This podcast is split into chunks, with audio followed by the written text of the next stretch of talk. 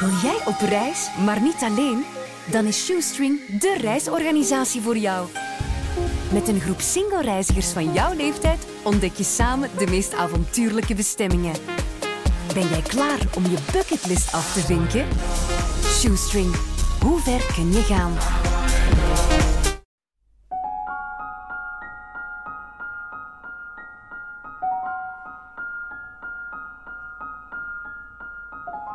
Er was eens een heel klein filmfestival in België, zonder echt noemenswaardige gasten. Al moet gezegd dat in 1976 toch ook al Nico in Gent verzeild geraakte voor de derde editie van het internationaal filmgebeuren. Het icoon, bekend van de Velvet Underground, gaf er zelfs een verrassingsconcert in Studioscope om 1 uur s'nachts. Tickets kosten 75 frank en er was naar verluid zo'n 100 man, onder wie dichter Jotit Hoofd. Maar naarmate Filmfest Gent groter werd, kwamen ook steeds grotere filmsterren naar Gent. Van een nog onbekende Brad Pitt naar een alweer bijna vergeten Tony Curtis. En daar ga ik het vandaag over hebben, met een aanzienlijk aantal mensen dat daar handjes mee heeft geschud en soms zelfs meer. Mijn naam is Ben van Albom en dit is Sunset Confessions, een podcast over 50 jaar Filmfest Gent. Maar toch ook wel over de liefde voor cinema een kunstvorm die iedereen die ik voor deze podcast sprak, van binnen en buiten het festival, naar waarde weet te schatten.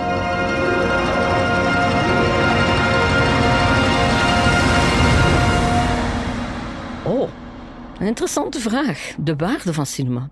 Voor mij is dat een grote waarde. Ik heb nooit geen studies kunnen doen. Ik ben al van mijn 14 jaar naar school gemoeten en ik had een gemis. Een gemis aan literatuur, aan al wat dat in de hogescholen en in de universiteiten leert. En de cinema heeft mij dat bijgebracht. En achter 50 jaar, die volgen die wel hoor. Die, die moet eerlijk zeggen, je weet om een duur wel, ja ja, oké, nu weet ik wel het een en het ander wat er in de wereld gebeurd is. Oorlog, literatuur, bouwkunst. Uh, ja, je kunt het zo maar niet denken. Als je zinnig bent voor het te zoeken in de film, vind het ook. Voor mij is dat altijd een ultieme vorm van escapisme geweest. Maar het heeft mij ook wel echt nieuwe werelden doen ontdekken. Dus het staat zo soms op uh, zo'n gekke spreidstand. Ja, en eigenlijk uh, heel veel. In de zin van dat het mij toch wel altijd heel sterk verbaasd heeft hoe breed cinema kan gaan. Je kan daar mensen dingen mee leren, je kan mensen ontroeren, je kan mensen in spanning brengen, je kan mensen doen schrikken, je kan mensen verrassen, je kan mensen nieuwe dingen vertellen, je kan mensen nieuwe inzichten bezorgen. En dat allemaal ja, door een verhaal te vertellen in essentie het is en blijft een fascinerend ding. Hè. Wat je er, allee, hoe breed het kan zijn, cinema, dat is vooral wat mij altijd gefascineerd heeft. En magic, hè, de magie. De lichten gaan uit, de gordijn gaat open. Heel lang geleden toch. En dan begint het. Hè. De leeuw begint te brullen. Laat maar komen. Cinema, dat is uh, het leven, dat is schoonheid, ontroering, informatie. Ja, ik denk... Uh, dat het leven in al zijn aspecten ergens wel vervat zit in een of andere film. Cinema zal waarschijnlijk de wereld niet kunnen veranderen, want anders was er misschien al een en ander veranderd. Maar ik ervaar zelf toch wel dat je door de verhalen die je voorgeschoteld krijgt, uh, toch denk ik met een wat ruimere blik naar de wereld kijkt en naar wat er rondom ons gebeurt. En ik denk dat dat super belangrijk is. Ik denk als kind, als jongere, was cinema in de eerste plaats voor mij een plek om te verdwijnen. Een soort iets dat groter was dan mijn realiteit. Dus ik zocht heel vaak spektakel op. Is een klein filmpje waar ik af en toe over babbel, Titanic. Ik had eigenlijk tegen mezelf gezegd om er niet meer over te babbelen, maar kijk, in deze context klopt het ook weer omdat het ook zo'n soort van film was waarin dat je echt volledig kon verdwijnen. Dus ik denk dat dat voor mij in de eerste plaats cinema was toen ik jong was. En dan als ik puber werd, werd cinema een soort plek waar ik mijzelf kon vinden, werd het een plek die mij de wereld toonde, of als een wereld die ik niet dicht bij mij zag. Personages die ik niet dicht bij mij zag. Ik mij toen ik de eerste keer met school naar gay cowboys die verliefd worden uh, ben gaan kijken en toch wel een licht kleine zenuwinzinking had tijdens dat die film speelde, omdat ik gewoon... Ik voelde een soort van verlangen dat ik niet kon uiten in mijn realiteit geprojecteerd op een scherm. En dat was eigenlijk wel heel belangrijk voor mij om dat te voelen. Omdat het iets opende dat zonder die film, of zonder voor, zo, film zoals die film, misschien niet geopend zouden geweest zijn. Het is ongeveer alles wat niet direct in de realiteit voor jouw voeten ligt, kan je daar tegenkomen. En dat is eigenlijk, eh, denk ik, eh, van een immense waarde, maar ook van een groot belang. Film is dus meer dan entertainment, zeggen Stijn Konings, Lucas Dont, Dirk Impens, Linda Meerschout, Wim de Witte en Filmfest Gent-directeur Marijke van de Bury. En nu we toch bezig zijn, een filmfestival is uiteraard ook meer dan tegen filmsterren aanschurken met een glas champagne in de hand. Al is daar natuurlijk niks mis mee. Filmfest Gent heeft de voorbije 49 edities een pak regisseurs, acteurs, componisten en zelfs kippen en paarden over de vloer gekregen. De kippen en paarden hebben deze podcast helaas niet gehaald, net zoals de meeste acteurs en regisseurs, want het zijn er gewoon te veel. Maar sommigen moesten er gewoon in, zoals James Earl Jones, wiens stem Marianne Ponnet van Filmfest Gent nog altijd rillingen bezorgt. Dat was indrukwekkend, want die man komt uh, binnen en die spreekt. En ik dacht, ha, The Lion King. Mufasa zit hier voor mij. Of CNN. This is CNN. En die man zat levende lijven uh, voor mij. Fantastische gast. Piccoli, een paar keer geïnterviewd. Uh, Michel Piccoli, die een paar keer naar Gent is gekomen. Binoche, zeer aangenaam, zeer aangenaam. Binoche, dat viel samen met een interview met de Fin uh, Coris Mackie. En Coris Mackie, die zat al van... dat was in de namiddag. En die zat al zwaar aan een drank. As usual. En de distributeur, die was ook al in alle staten. En om een lang verhaal kort te maken, Coris Mackie wou maar met mij praten als ik meedronk. Maar ik wist dat ik een uur later met Juliette Binoche een interview had. En ik had dus geen zin om met een alcoholwalm binnen te komen bij uh, Juliette. En ik zei van, van nee, ik kan niet drinken. En de distributeur zei van, doe het, doe het, want anders doet hij moeilijk. Ik zeg, oké, laat het glas brengen en dan doe ik wel alsof. Dus dan, ik heb daar eh, met een bel cognac voor mij gestaan. Dat interview met uh, Ik denk niet dat ik daar veel heb kunnen van gebruiken. Maar uh, oké, we hebben het geprobeerd. En nadien kon ik met een, uh, hoe laat ik het zeggen, een niet-alcoholische adem bij Juliette Binoche terecht. So Melvin, the monster hero, rid Tromaville of all of its evils, so the good citizens could live their lives in peace and happiness. And the next time you're in danger or in need of help, look to the horizon and maybe just maybe, the Toxic Avenger will be there. Ik heb echt zo fantastische momenten meegemaakt dat, je ook bijvoorbeeld, je was een beetje stadsgids, want je, moest dus mensen onze prachtige stad uh, laten zien. En dat was bijvoorbeeld een echt grappige anekdote over, over Gent. Dat was de regisseur van zo'n totale slasherfilm vol met blood and gore, The Toxic Avenger. Uit die kerel kom ik voorbij het Graafsteen. En ik zeg zo, ja, het was built in 1180 by the Count of Flanders. Wait a minute, wait a minute. You mean to say Want hij was ervan overtuigd dat dat een set was. Hij zei, what movie are they making here? ik zei, no, no, it's the castle of the Counts of Flanders. You mean to say that it's actually real? en dan met hem naar de martelafdeling, waar al de marteltuigen waren uit de middeleeuwen. Die kerel, dat was zijn beste nacht van het jaar. There's enough here for, for 10 movies, man. then I just kind of waltz on in and I say, ladies, gentlemen, let's see who wins the prize for keeping their cool. Simon says, everybody down on the floor. Brad Pitt is hier ooit geweest. Hè. Thelma Louise had hij een kleine bijrol en dan uh, is hij naar het filmfestival geweest. Ja, nog voordat hij ja, heel erg beroemd geworden is. Hè. Dus ik zie hem nog lopen. Ja. Ik dacht dat hij kwaad was, was ze hadden hem in een hotel gestoken, Novotel denk ik, op uh, Expo. En hij had liever in de stad gezeten. Maar ja, is een B-acteur. Juist, juist. Ja, ik heb nog geluncht met Brad Pitt ergens in Sint-Martenslaten. Maar ik heb dat bandje niet meer, dus ik kan het niet meer. Uh, en dat was toen voor de film Telma en Louise. Toen hij, uh, ja, dat niet bekend was bij ons, absoluut niet bekend was. Tenzij door een, ik denk reclamefilmpje over jeans. een nogal sexy... eh allez, Brad Pitt en sexy, dat, eh, dat is geen probleem om dat voor elkaar te brengen. En ik, ik weet nog dat hij toen eigenlijk een beetje schrok dat mensen daarover begonnen, omdat hij had dat filmpje gedraaid, uiteraard, maar dat, werd niet in dat was de afspraak. Dat wordt niet vertoond in Amerika. Jong acteur wou niet geassocieerd worden met reclamefilmpjes aan het begin van zijn carrière. Dus de afspraak was rest of the world. Zich niet realiseren dat de rest of the world daar wel de link eh, zou leggen. Dus ik weet dat hij, dat hij daar eigenlijk een beetje van schrok van, als ze kennen mij hier van dat reclamefilmpje. en ik vermoed, en ik ben vrij zeker dat hij hier ook wel een liefje heeft opgedaan.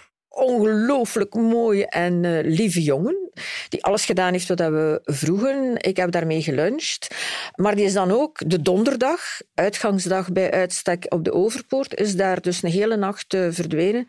En ik zeg, de legende gaat dat er toch verschillende mensen hem beter kennen. De legende. En die komt hier toe op het festival van Gent. Ik ga dat nooit vergeten, want ik stond erbij. Ik was niet zijn chauffeur, maar die stapt uit die limo. Of, hè.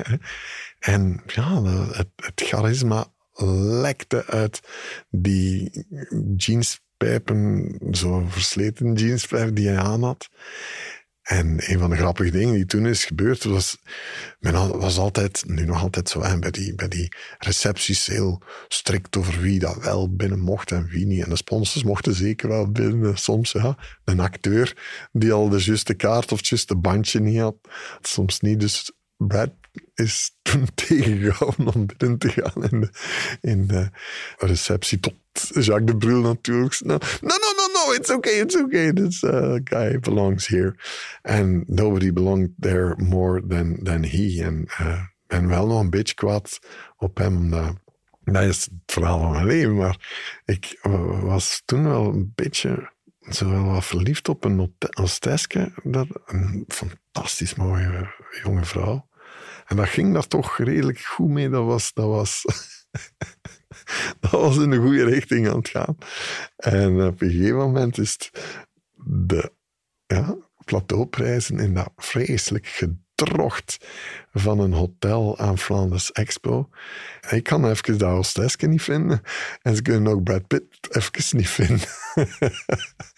ja, en de rest. Maar dus ik ben ooit wel in concurrentie geweest met Brad Pitt. Brad Pitt, ik heb de eerste handtekening van Brad Pitt als hij hier was. Hij was er met Thelma en Louise. Nu zou het misschien niet meer reizen, maar dan... En mijn, mijn camera ging niet en bleef gewoon staan. Rustig, zegt hij. Linda, Brad Pitt. Ja, oké. Zijn- nu zijn ze allemaal jaloers op dat handtekening. En Die zit gewoon bij mij. Dus, lijkt op dat ik heb mijn gewone boekjes mee maar ik heb ze kaften. hè. Ik heb ze acht kaften vol met foto's en met handtekeningen. Iedere keer eronder. Die zit er gewoon tussen. Maar er zijn andere dingen die ik kijk, like Peter Ustinov, dat vind ik al heel interessanter. mijn. En die een Trevor Howard, die Gina Lollobrigida, dat moeilijk mens. Verdorie. Maar ik denk in totaal, ik heb ze niet echt geteld, maar ik denk toch dat ik er zo'n kleine 400 toch heb. Ze, van handtekeningen. Maar zowel de laatste jaren ook heel veel eh, muzici. Er zit daar heel goed ding tussen dat zegt van, ja, dat zijn er toch... Want over het algemeen, de WSA dan hier in Gent, als die hier iets gaat, hè, het jaar daarop hebben ze een Oscar, hè? Raakt dat. Hè? Dan we zeggen, kijk, onze nieuwe Oscar die loopt daar. dus ja, nou ja, veel, veel.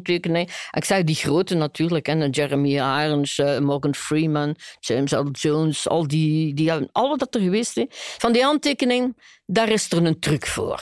Ja, kan je dat zeggen en iedereen mag dat weten. Die mensen moeten ook allemaal een keer naar het toilet gaan. Dus op een gegeven moment stel je aan de toiletten je komt ze wel een keer tegen. En dat lukt, hè. Is er toen met die grote, die anders iedereen rond de mulder dat je geen mogelijkheden hebt. En dan, ah, ik zei, Tony Curtis, oh, ik zeg, jij hier niet zo mooi. Ik zei, dat is ideaal hier. Dus ja, ja, dat is de manier van doen. En altijd heel beleefd zijn, hè. je moet ze niet amputeren. Hè. De laatste jaren hebben we zo'n Ferrell en Sasgaard hier geweest en dat was wel goed, hè. Dus de Neuve, Roger Daltrey was er, Terry Gilliam. John Hurt. En daar vonden mijn, uh, mijn compagnons die mee waren met mij, vonden dat meneer Hurt dan toch heel veel interesse had in mij. En ik zei, zegt, pak dat. Nee, ik zeg, pak dat niet mee. Ik zei, echt waar, hè? Dus ik had ermee gedanst en gedaan. Ik zei, Ola, ik zei, ik kan hier van de avond niet alleen naar huis gaan. dus we hebben dat rustig gehouden. We hebben dat heel rustig gehouden. Linda Meerschot heeft zich rustig gehouden, maar als number one fan van Filmfest Gent en professioneel handtekeningjager weet ze na 50 jaar natuurlijk hoe ze zich moet gedragen. En met alle respect voor John Hurt, het is natuurlijk geen Brad Pitt. Dat gezegd zijnde, de afgelopen jaren hoor je wel vaker dat er geen sterren meer van dat kaliber naar het festival komen.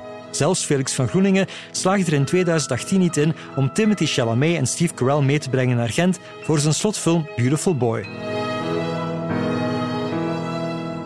Goh, nee, ik heb dat eigenlijk zelfs niet geprobeerd. Ik heb echt voor de Belgische release ook hard gewerkt en daar veel voor gedaan. En we hebben uh, de schrijvers naar hier, naar hier gehaald. Maar dat was bijna een uh, simultane release in, in Hans de Wereld. Dus ja, dat ik uh, Steve Carell en Timothy naar Gent zou krijgen, dat, dat wist ik op dat dat geen optie was.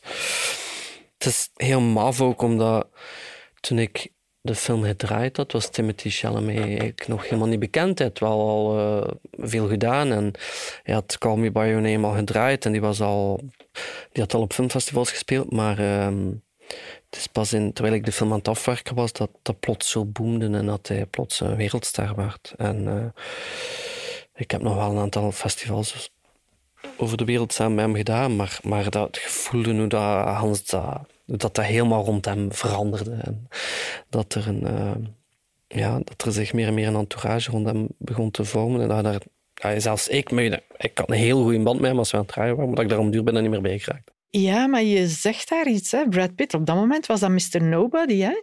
Dus wij zetten nieuwe stemmen op het festival, zowel wat de acteurs betreft als wat de makers betreft. Dus op dat moment heeft niemand daarvan gehoord, maar hopelijk worden dat dan wel de grote namen van de toekomst. En uh, in veel gevallen is dat zo geweest. Toen Benedict Cumberbatch naar, naar Filmfest Gent kwam, was hij eigenlijk nog zeer onbekend. Sherlock Holmes draaide wel al in, uh, in, in Engeland, maar in België denk ik dat zelfs nog niet werd uitgezonden. Dus die, die kwam weer voor, denk, Tinker Tailor Soldier Spy voor te stellen, wat de openingsfilm was van dat jaar. Maar de Rode Loper, los van de openingsavond, is nog een keer teruggekomen dan een paar dagen later. Daar stond niemand. En dat heb je heel vaak bij zo de mensen waarvan je nu in hindsight denkt, wow, die was op Gent, dat die hier toen als onbekende garnaal stond en dat er van de pers misschien één iemand van het studentenblad stond en iemand van Urgent FM, maar dat zo de, de VRT's en de VTM's van deze wereld zeiden, laat maar zitten, die onbekende Britse acteur. Dus ja, Benedict Cumberbatch echt gewoon mee kunnen staan babbelen, tien minuutjes lang, foto kunnen maken van hem alleen. Maar het is een zeer triestige foto, op de achterkant gewoon een lopen met niemand die hem staat op te wachten. Terwijl moest hij nu komen, ik denk dat, dat ze drie straten zouden moeten afzetten om alle fans te, tegen te houden. Dus dat is wel een tip dat ik vaak aan mensen geef als je ziet, er komt vanavond op de loper een onbekende acteur of regisseur, ga gewoon af en neemt een foto mee, want voor hij het weet staat te praten met Captain Marvel van, van binnen tien jaar. Oh, you think you see through me, do you? Well, you don't. But I see through you. Joseph Gordon-Levitt, die op dat moment al een wereldster was. Die had 500 Days of Summer en heel veel andere films al gedaan. Eigenlijk een kindsterretje die, die acteur was geworden. Die kwam Don John voorstellen, want dat zijn, een film was dat hij zelf had gemaakt. En Brie Larson speelde er een klein rolletje in, maar Brie Larson speelde ook in Short Term 12, een andere film die dat jaar op de programmatie stond in 2013. En ja, de rode loper was dus Joseph Gordon-Levitt en uh, Brie Larson. Die hebben ook doorheen de dag een heleboel interviews samengegeven. Ah, het was eigenlijk vooral Joseph aan wie dat de vraag gesteld werd. En Brie zat er wat bij als... Ah ja, wie is, is dat zijn assistent of zo? Uh, de vraag werd duidelijk niet voor haar bedoeld telkens. En je merkte dat Joseph Gordon-Levitt echt gedrild was tot en met. Als hij op de rode loper kwam en VRT stelde de vraag van hoe vind je de Gens? Oh, it's fantastic here, lovely, love the city, lovely people. Hup, fake smile, volgende interview met VTM. How is the city? Oh, I love it. Fantastic. Great people. Great, great vibe. Love the city. Terwijl hij in werkelijkheid niets van de stad had gezien. Die heeft de hele dag interviews zitten geven in, denk dat in, in het hotel in, in, Gent was. Dus die komt toe met een vliegtuig naar het hotel gereden. Niets van de stad gezien. Maar toch, in zijn interviews kwam hij zo over alsof hij hier de hele dag al zit rondlopen in Gent. En dan had je Brie Larson daarnaast. En die was zo down to earth. Dat was echt fantastisch. Nou, ik zou willen zeggen, het boeide daar niet, boeide er wel, maar er was gewoon niemand geïnteresseerd in haar. Dus we hebben daar heel lang mee kunnen babbelen. Ik heb een levende herinnering aan, aan het feit dat zij zonder schoenen gewoon op een bank zat te babbelen met Patrick Duinslager over het uh, Lam Gods en over de kunst die in, in het MSK en andere musea hier hing. En die was zo oprecht geïnteresseerd en die was zeer toegankelijk. En dat is wel cool als je daar dan mee babbelt. En dan zie je die dan twee jaar later, of een paar jaar later, wint ze dan de Oscar for Room. En dan wordt ze Captain Marvel. En nu is ze veel, veel groter dan dat Joseph nu is. Ja, dat is, dat voor mij wel wat dat Filmfest zo uniek maakt. En ik zeg, ik heb ook Filmfestival van Venetië en zo gedaan. En daar is het wel ja, veel afgeschermder, de acteurs en de, de mensen die, die komen kijken. Maar de filmfest Gent kun je dus gewoon met Doctor Strange en eh, Captain Marvel babbelen. Ga dus gewoon met om het even wie op de foto. Gouden advies van Thomas Molders, die toen werkte voor de dienstcommunicatie van het festival en goed overeenkwam met Benedict Cumberbatch en Brie Larson. Al was natuurlijk niet elke festivalgast in het verleden even sympathiek. Want in 1998 zetelde Stijn Konings in de jury van het festival met onder meer Julie Ormond, Sid Field, Lawrence Sturman en de toekomstige Gouden Palmwinnaar Michael Haneke. Ik moet zeggen, dat was een, uh, een zeer uh, rijke ervaring. Dat is het minste wat ik kan zeggen. Om in de jury te zitten. Ik denk dat dat, uh, 19, dat moet rond 1998 of zo geweest zijn, denk ik. Maar natuurlijk, Michael Haneke was toen al een onwaarschijnlijke figuur. Hij heeft later nog heel grote films gemaakt. Maar ja, ik had die Benny's video's vroeger al wel gezien en ik, ik wist heel goed wie hij was. Maar ook als ik dan de White Ribbon zag, toen dacht ik weer aan die jury en ik dacht, ja, hoe kun je nu zo danig veel op uw eigen personages lijken? Dat is fantastisch. Maar zijn stijl, zijn ernst en ook heel streng, een eigen mening en dan tegelijkertijd toch humor, hè, want het is niet dat Haneke geen humor heeft. Maar je moet al tot bij de gegadigden horen eer dat hij zijn humor uh, laat zien. dus meestal houdt hij zijn strenge imago heel erg lang vast. Uh, hij laat niet rap in zijn kaarten zien. En hij had een extreme mening over Amerikaanse film. En natuurlijk, je had Sid Field daarbij als, als uh, scenarist, maar ook een, de Laurens Toerman ja, die met The Graduate alleen al zijn visitekaartje had afgeleverd als, grote producent. En dat was op het randje van elkaar in de haren vliegen in die jury. Dus dat was uh, soms uh, hard en tegelijkertijd ook grappig. De discussies waren hilarisch. En uh, de beledigingen tussen pro-Amerikaans en volledig anti-Amerikaans, die vlogen van de ene kant van de tafel naar de andere ja, van het gesprek. Er stond helaas geen camera op, maar hoe briljant de films van Michael Haneke ook zijn, ik kan het mij levendig voorstellen. Het doet mij ook denken aan het Italiaanse filmicoon Gina Lollobrigida, die het als voorzitter aan de stok kreeg met andere juryleden als Giancarlo Esposito en Irving Kirchner en zich publiekelijk van het palmares distancieerde. Of die keer dat operadirecteur Gerard Mortier als juryvoorzitter weigerde om de prijs voor de beste kortfilm uit te reiken, omdat hij de films in competitie niet goed genoeg vond. Al zijn er dus wel degelijk ook juries die elkaar niet in de haren vliegen. Zoals die van regisseur Caroline Strubbe, die er voor een week lang optrok met Alan Parker. Of die van acteur Nathalie Broods. Oh, dat vond ik zo leuk. Ik heb het een paar keer gedaan, zo'n jury. En um, ik, ik, ik, zeg daar altijd direct ja op als dat in mijn agenda past. Omdat dat doet zo goed om eens andere mensen tegen te komen gedurende een week. En dat je samen films kijkt en daar ook duidelijk moet formuleren wat je goed vindt, wat je niet goed vindt. En dat stelt nog eens alles op scherp voor jezelf ook, waarom dat je doet wat je doet. En die discussies zijn heel fijn, die gesprekken zijn heel fijn. Enfin, ik vond dat een fantastische ervaring. Ja, dat was echt een van de mooiste, denk ik, ervaringen die ik ooit heb gehad. Dat ik uh, dacht van, wat een chance heb ik om elke dag bij hem te zitten. Dat klikte ook heel goed. En dan als voorbereiding heb ik al zijn films bekeken. Want ik had, ja, dat was een soort god voor mij van Alan Parker. Als je ziet wat hij gemaakt heeft, dat is, dat is zelden dat iemand... Ja, Midnight Express, dat was, dat was zo een belangrijke film. The Commitments, The Wall.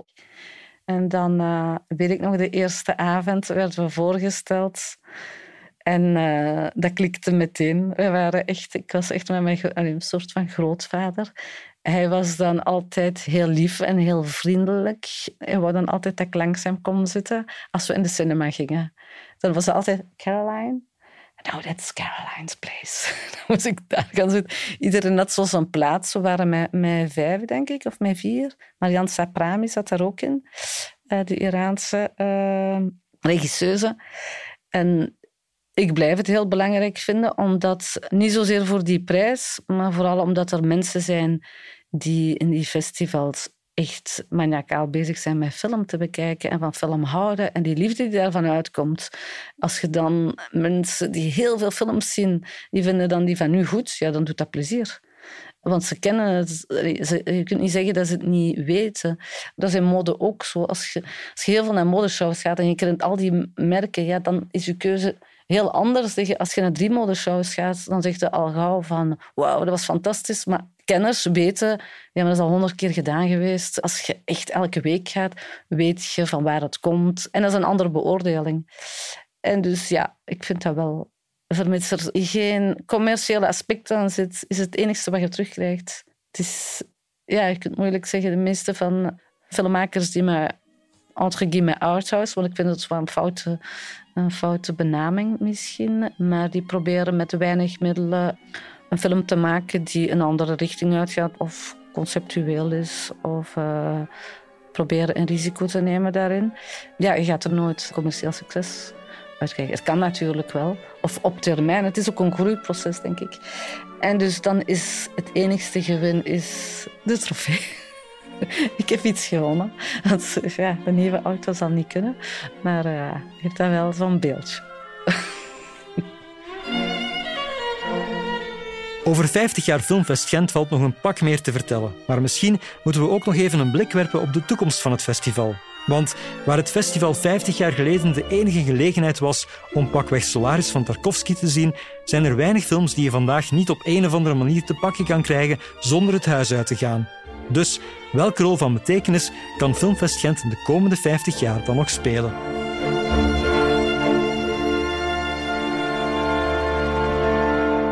Ik denk dat in veel opzichten de functie nog altijd hetzelfde blijft als wat men uh, zoveel jaren geleden eigenlijk mee begonnen is.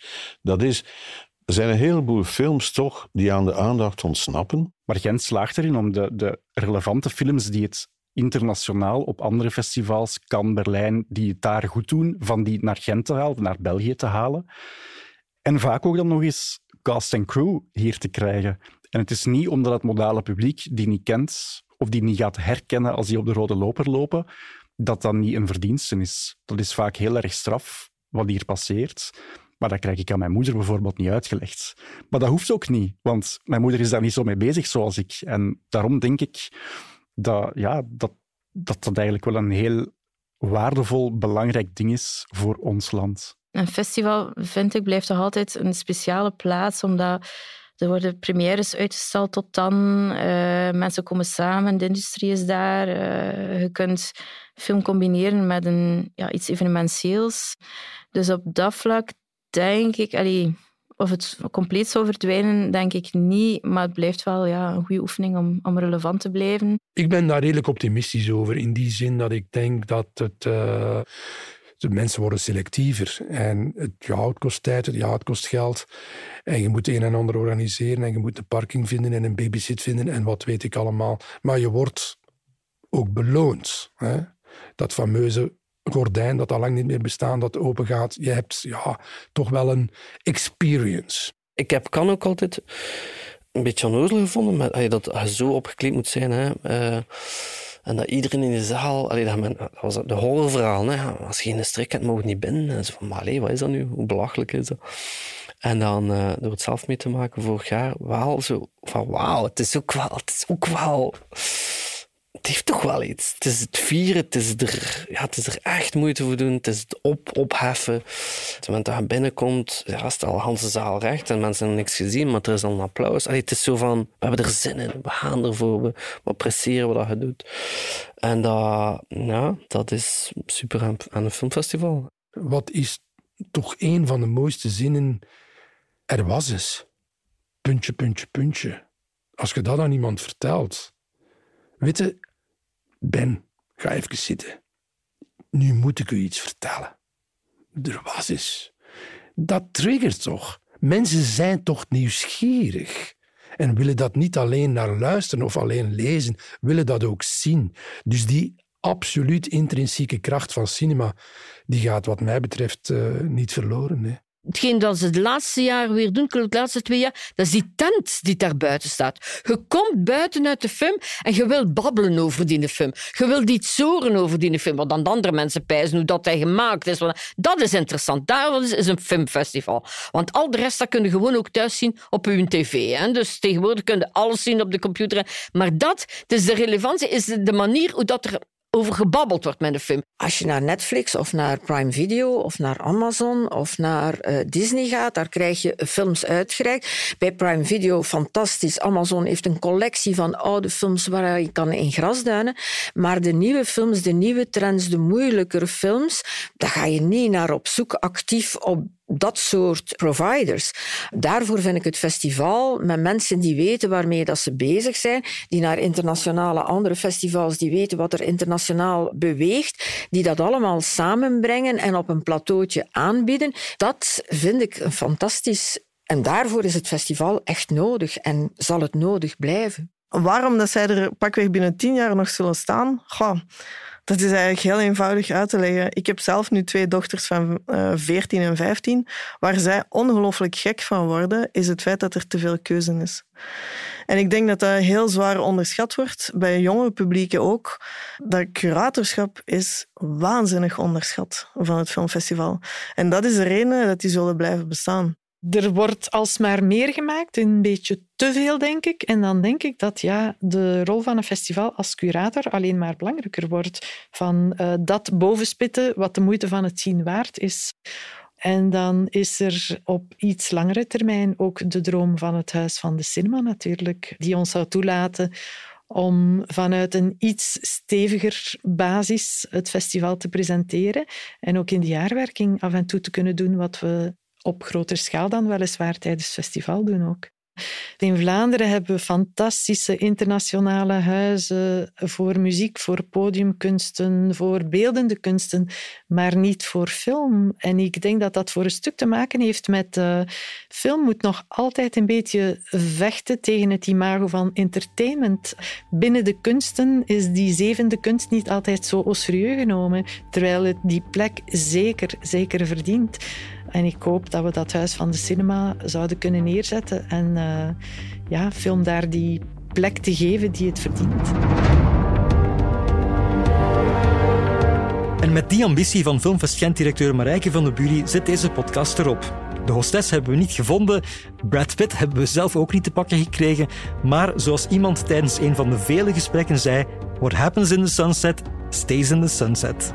Sunset Confessions is een podcast van Filmfest Gent in samenwerking met De Morgen. Written, directed and produced by me, Ben van Alboom, gemonteerd door Kieran Verheijden van House of Media en alle gesprekken werden opgenomen door Wannes de Vogelaren bij Urgent FM. En ik ga proberen om niemand te vergeten, maar mocht het toch zo zijn, dan trakteer ik op champagne tijdens de volgende editie van Filmfest Gent van 10 tot 21 oktober. Dikke merci aan Marijke van de Bury, Wim de Witte en Kim Vertee van Filmfest Gent, Sophie Steenhout, Lauren van den Driessen en Tom van Houten van House of Media, Remy Amcrouch en Sam Vijs van De Morgen en Tanja Selleslags van Urgent FM. De muziek van Cliff Martinez en Ruichi Sakamoto komt uit de archieven van Filmfest Gent en de World Soundtrack Awards. Tot de volgende!